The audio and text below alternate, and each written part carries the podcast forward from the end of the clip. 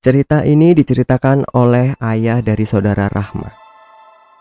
Di suatu Kamis malam, hujan turun lumayan deras, membuat para pengendara tidak bisa melanjutkan perjalanan mereka dan berteduh di pinggir jalan. Hujan baru berhenti saat jam 8 malam. Jalan raya yang tadinya tidak terlalu ramai langsung kembali dipadati oleh para pengendara motor dan mobil yang sedang cepat-cepat melanjutkan perjalanannya menuju tempat tujuannya masing-masing. Saking padatnya, hingga membuat jalanan sangat macet dan membuat kendaraan-kendaraan tersebut tidak bisa bergerak sama sekali, terutama untuk mobil. Saking tidak sabarnya, banyak pengendara motor yang memotong jalan lewat kampung agar mempersingkatkan waktu perjalanan mereka, termasuk ayah dari Rahma. Beliau berjalan ke arah perkampungan Semakin memasuki ke kampung, semakin sepi sekali. Tidak ada warga sekitar yang berlalu lalang. Bahkan, saat melihat ke arah belakang lewat spion, ia tidak menemukan satupun pengendara yang mengikutinya.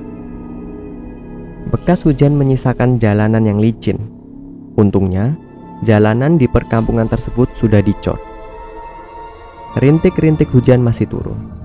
Mungkin karena itu, warga kampung memilih tetap diam di dalam rumah, menghangatkan diri, dan sebagainya. Sayangnya, tidak semua jalanan dicor.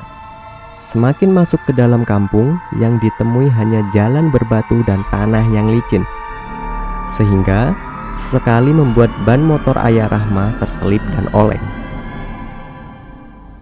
Suasana kampung ini gelap, tidak ada penerangan jalan sama sekali. Hanya lampu motor yang menjadi penerangan jalan saat itu. Kanan kiri hanya ada tanah kosong dan kebun pisang milik warga. Ayah Rahma mulai berpikir jika ia sedang tersesat. Kemudian, beliau mulai menyusuri sebuah tanah lapang yang ditutupi oleh tanaman semak belukar. Seperti sebuah pemakaman di balik sana.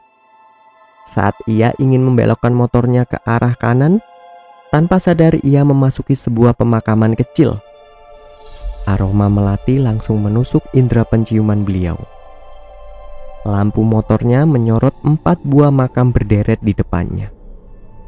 Ia sontak langsung terhenti. Tidak ada jalan lagi di sana. Jalan buntu yang berakhir pada sebuah pemakaman.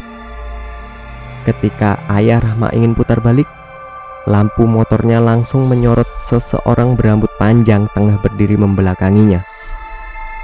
Daster berwarna putih panjang hingga jatuh ke tanah. Wanita ini hanya diam, tidak bergerak sama sekali. Ayah Rama kaget bukan main.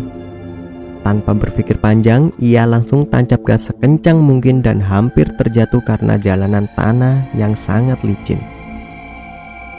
Ayah Rahma kembali memutuskan mengendarai motornya ke arah jalan raya yang tengah macet tersebut daripada mencari jalan lain dari kampung ini.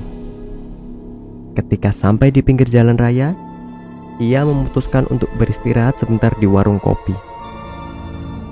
Ayah Rahma menceritakan apa yang ia alami kepada keluarganya saat setibanya di rumah. Sontak, saat sekeluarga mendengarnya, mereka langsung merinding.